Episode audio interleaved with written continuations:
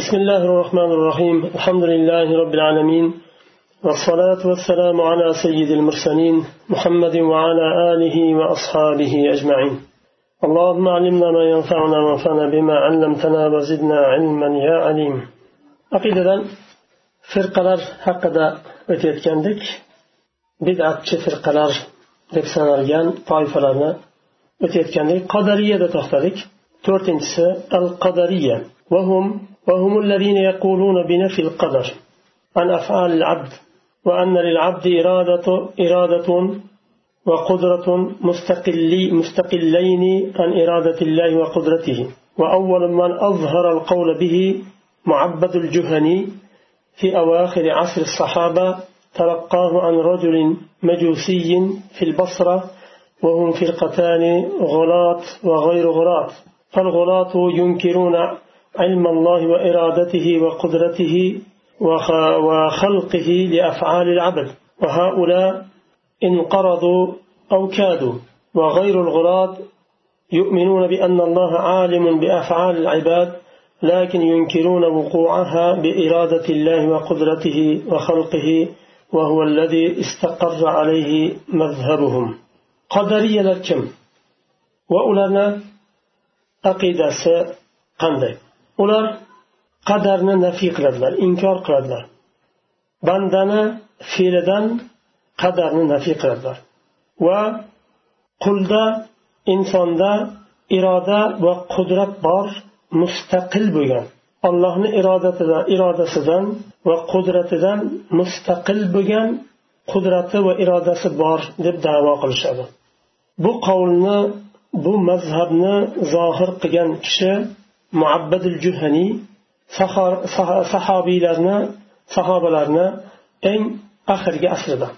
Bu muabbadul juhaniy majusiy bir insondan bu aqidani oldi basrada. Ular bu qadariyalar ikkita firqa. G'ulu ketuvchi firqasi bor va g'ulu ketmaydigani bor. Dinda g'ulu ketadiganlari allohni ilmini irodasini qudratini va qullarini bandalarini fe'lini yaratishini inkor qilishadi. Ular inqirozga uchradi yo'qolib ketdi. Ya'ni tarix nimadan? Yoyinki yo'qolishiga oz qoldi. Juda ham ular oz qolgan bo'lsa ham. Va g'ulu ketmaydigan toifasi allohni ilmiga iymon keltiradi. Bandalarni fe'llarini olloh biladi deydi. Lekin allohni irodasi va qudrati bilan sodir bo'lmaydi deydi. Alloh taolo bilib turadi qaysi banda nima qilayotganini bilib turadi. Lekin shu bandani xatti harakati allohni ilmi nimasidan irodasidan va qudratidan tashqarida deydi. Ilmidan emas iroda va qudratidan tashqarida deydi. Va xalqidan ham tashqarida alloh taolo bandalarni nimani e, fe'lini yaratmaydi deydi ular. Ularni shu qadariyalarni mazhabi mana shu mazhabda mustaqil bo'ldi.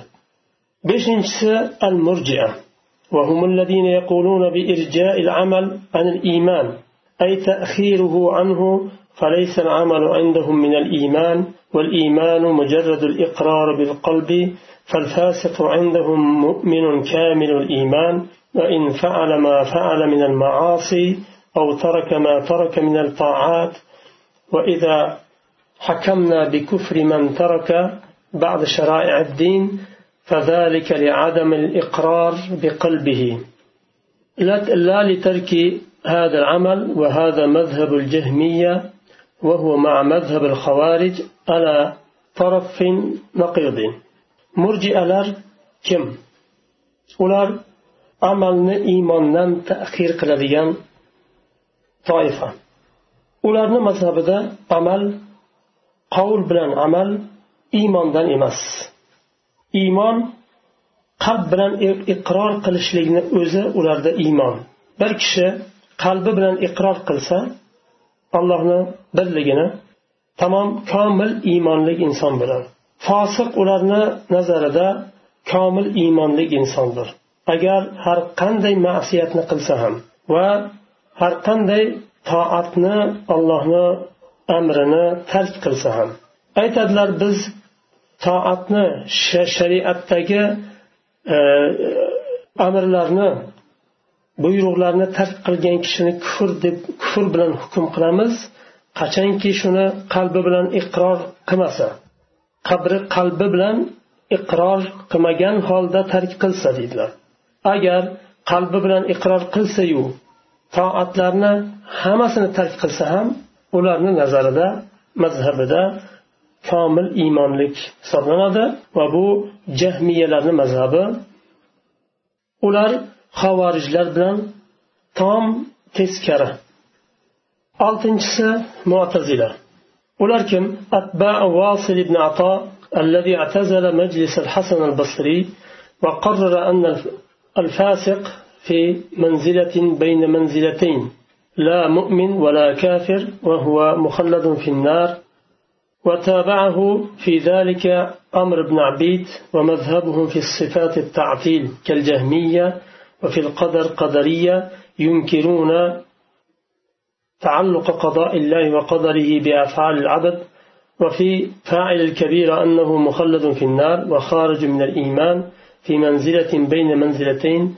الإيمان والكفر وهم عكس الجهمية في هذين الأصلين معتزلة معتزلة فرقة ular vosil ibn atoni ergashganlari vosil ibn ato hasan al basriy roziyallohu anhuni tobiinlardan u kishi shogirdlaridan aslida majlisida u kishini majlisida hasan al basriyga xilof chiqadi va o'sha yerda atazalna deydi Va shu bilan ularni mazhabi mu'tazila bo'lib qoladi. Ularni mazhabida fosiq ikkita manzilni ikkita o'rinni o'rtasida. Birinchi o'rin mo'min ikkinchi o'rin kofir. Fosiq mo'min ham emas kofir ham emas ikkalasini o'rtasida.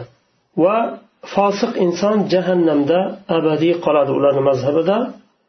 Va shu mazhabga yana amr ibn abid ham ergashdi. Ularni mazhabi allohni sifatlarida inkor qilish jahmiyaga o'xshagan va qadarda bo'lsa qadariyaga o'xshagan inkor qiladi. Alloh taoloni qazosi va qadari bandani fe'llariga mutaalliq bo'lganini ekanini inkor qilishadi ular. Va kabiro ahli gunohi kabira qilganlar jahannamda abadiy qoladi deyishadi. ular iymondan chiqadi va kufrga kirmaydi iymondan chiqadi kufr bilan iymonni o'rtasida qoladi na mo'min na kofir bular bu o'rinda jahmiyalarni aksi yettinchisi karomiya أتباع محمد بن كرام المتوفى سنة 355 هجري يميلون إلى التشبيه والقول بالإرجاء وهم طوائف متعددة بيردا 255 mikin 355 mayda yozilgani uchun yaxshi ko'rinmagan karomiya firqasi muhammad ibn kiromni nimasi ergashuvchilari bular bu inson ikki uch yuz ellik beshinchi yilda hijriy sanada vafot qilgan ular tashbihga moyil bo'lishadi allohni sifatlarini bandalarni sifatiga o'xshatadi va murjiyalarga o'xshagan irjo qilishadi ular ya'ni amal iymonni komil bo'lishi uchun qovul bilan amal shart emas deyishadi ular ham bir nechta toifaga bo'linib ketgan sakkizinchisi as salima أتباع رجل يقال له ابن سالم يقولون بالتشبيه سالم هم ابن سالم degan kishini ergashuvchilari ular ham tashbih allohni sifatlarini maxluqlarni sifatiga o'xshatishadi وهذه هي الطوائف التي ذكرها المؤلف ثم قال ونظائرهم مثل الأشعرية أتباع الحسن علي بن إسماعيل الأشعري كان في أول أمره يميل إلى الاعتزال حتى بلغ الأربعين من عمره ثم أعلن توبته من ذلك. وبين بطلان مذهب المعتزلة وتمسك مذهب أهل السنة رحمه الله. أما من ينتسبون إليه فبقوا على مذهب خاص يعرف بمذهب الأشعرية لا يثبتون من الصفات إلا سبعا زعموا أن العقل دل عليها ويؤولون ما عداها وهي المذكورة في هذا البيت حي عليم قدير والكلام له إرادة وكذلك السمع والبصر. ولهم بدع أخرى في معنى الكلام والقدر وغير ذلك. من أشطائف لنا مؤلف رحمه الله ذكر قدرار وددرار ولنا ولرج أخشجان ينا طائفة أشعري لرددرار حسن بن حسن آه، علي بن إسماعيل الأشعري. أبو الحسن الأشعري آه، مشهور بقلنا أشعري مذهبنا yetakchisi. U kishi avvalida mu'tazila aqidasida edilar. U kishini uchta marhalada deyishadi olimlar. Birinchi marhalasi mu'tazila aqidasida bo'lganlar u kishi. Ko'p mujodala qilganlar mu'tazila firqasini himoya qilib ko'p mujodala qilganlar. Undan keyin bu firqani botil ekanini aqidasi noto'g'ri ekanini tushunib mu'tazila firqasini aqidasini tark qilganlarda ahli sunna bilan mu'tazilani o'rtasini tanlaganlar. Ya'ni yettita sifatdan boshqasini tan olmaganlar. Mo'tazila biror sifatni tan olmaydi. Lekin ashariy bugungi ergashganlar e, yettita sifatdan boshqasini tan olmaydi. Abu hasan ashariy rahimaulloh u kishi bundan ikkinchi marhaladan ham tavba qilib eng oxirgi mustaqil bo'lgan mazhablari salaf aqidasida bo'lgan buni bugungi ashariy mazhabi ergashganlari tan olishmaydi. Ikkinchi ikkinchi mazhabni tan olishadi. Bu yerda aytilyapti muallif rahimalloh aytyaptilar bu e, mo'tazila firqasi deydilar aqidasida. Umrlari qirq yoshga yetganda mo'tazila aqidasidan tavbalarini e'lon qildilar va mo'tazila mazhabini botil mazhab ekanini e'lon qildilar. Ahli sunna mazhabini ushladilar keyin tutdilar. Ammo u kishiga ergashgan nisbat berilgan bugungi ashariy mazhabi u kishiga xos bo'lgan ya'ni ikkinchi marhaladagi mazhabda qolishdi. Ular yettita sifatdan boshqa sifatni tan olishmaydi isbot qilishmaydi. Ya'ni tan olishmaydi derkan isbot qilishmaydi. Nima uchun bu yettita sifatni isbot qildingiz? Degan savolga ular javob berishadi. Chunki bu yettita sifatga aql dalolat qildi.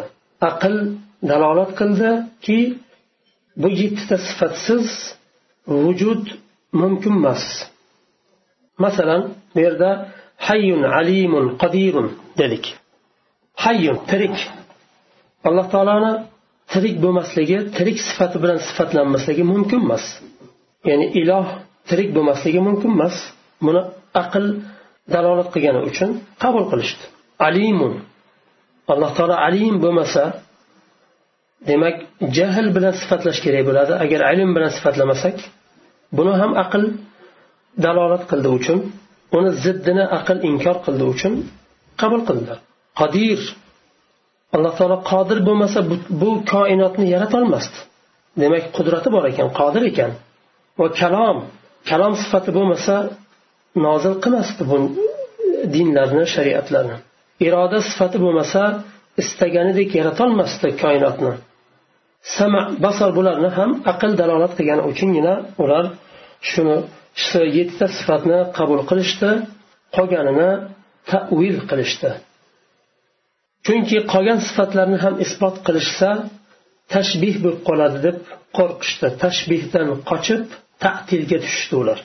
ya'ni tashbihga tushib qolmaylik deb qochdida sifatlarni inkor qilishga majbur bo'lishdi ularni bir qancha boshqa bidatlari ham bor kalomda qadarda bu yerda muxtasar berilgani uchun zikr qilinmagan وأما بالنسبة إلى إمام في فروع الدين كالطوائف الأربعة فليس بمضموم فإن الاختلاف في الفروع رحمة والمختلفون فيه محمودون في اختلافهم مثابون في اجتهادهم واختلافهم رحمة واسعة واتفاقهم حجة قاطعة أما dindagi furularda imomga nisbatan toifalarga nisbatan to'rtta mazhabga nisbatan bo'lgan dunyoqarashimiz qanday bo'ladi faraysa bimazmum ular mazmum emas ya'ni mazammatlash mumkin emas mazammatlanmaydi nima uchun? Chunki ixtilof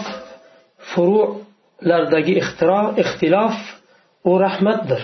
Asldagi ixtilof u rahmat deyilmaydi. Asldagi usul aqidadagi ixtilof yaxshi emas. Lekin furu fiqhiy nimalardagi masalalardagi ixtiloflar u rahmat. Nima uchun? Chunki ikkita uchta qovul bo'ladigan bo'lsa birisini tanlaydi. Majbur bo'lmaydi. Bir masalan bir qovul bir qavmga bir qandaydir sharoitlarga to'g'ri keladigan bo'lsa boshqa qovul shu sharoitga to'g'ri kelmasdan boshqa xalqdagi sharoitga to'g'ri kelishi mumkin. Fiqhdagi ixtiloflar rahmat.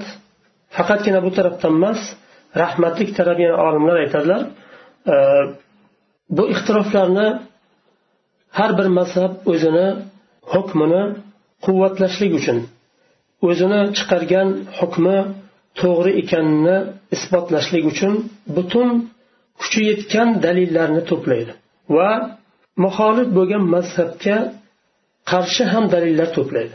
Bu tolib ilmni va ummatdagi nimalarni olimlarni shu dalillar va munoqashalarni ko'rib chiqishi va fikri ilmi kengayishiga sabab bo'ladi. Bu ham bir tarafdan rahmat.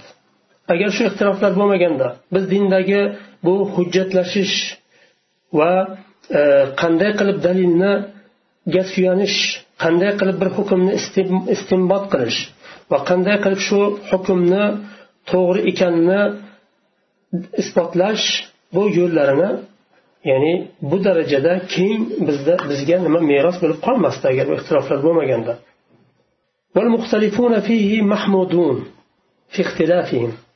ixtiloflashganlar fiqhda furuda ixtiloflashganlar ixtiloflarida mahmud maqtalingan ular ular ishtihodlarida savob oladilar ixtilofi ularning ixtilofi keng rahmatdir ittifoqlari qat'iy bo'lgan hujjatdir to'qson beshinchi bu eng oxirgi nima نسأل الله أن يعصمنا من البدع والفتن والفتنة ويحيينا على الإسلام والسنة ويجعلنا ممن يتبع رسول الله صلى الله عليه وسلم في الحياة ويحشرنا في زمرته بعد الممات برحمته وفضله. آمين. وهذا آخر المعتقد والحمد لله وحده وصلى الله على سيدنا محمد وآله وصحبه وسلم تسليما. kitobni oxirini muallif rahimaulloh duo bilan tugatyaptilar. Alloh taolodan so'raymiz bizni alloh taolo bidatdan va fitnadan saqlasin ismatda qilsin va bizni islomda va sunnatda tiriltirsin va bizni rasululloh sollallohu alayhi vasallamga hayotda ham ergashadiganlardan va o'lgandan keyin u kishini zumrasiga jamoatida ya'ni birga tiriladiganlardan qilsin. Rahmati va fazli bilan amin. Va bu e'tiqodni haqida yozgan kitobni eng oxiri valhamdulillahi vahda va sallallohu ala sayyidina va nabiyina muhammad va alihi va sahbihi vasallam taslima deb rahimaulloh shu yerda kitobni aqida kitobini tugatdilar. Shu yerda bo'lmasam to'xtaymiz. Kitob ham shu yerda tugaydi. Oxiri u Э, furudagi ixtilof nima ijmo haqida gapirilgan ularni zotan biz nimada usulda nimalarda o'tamiz o'tdik ham qancha nimalarni. Alloh taolo o'qigan dars qilib o'tgan va bundan keyingi dars qilib o'tadigan ilmni kitoblarni alloh taolo bizni dunyomiz va oxiratimiz uchun foydali qilsin darslarimizni davomli qilsin. Alloh taolo qiyomat kunida bu jamlanishimizni darslarimizni bizni foydamizga hujjat qilsin. وصلى الله وسلم على خير خلقه محمد وعلى آله وأصحابه أجمعين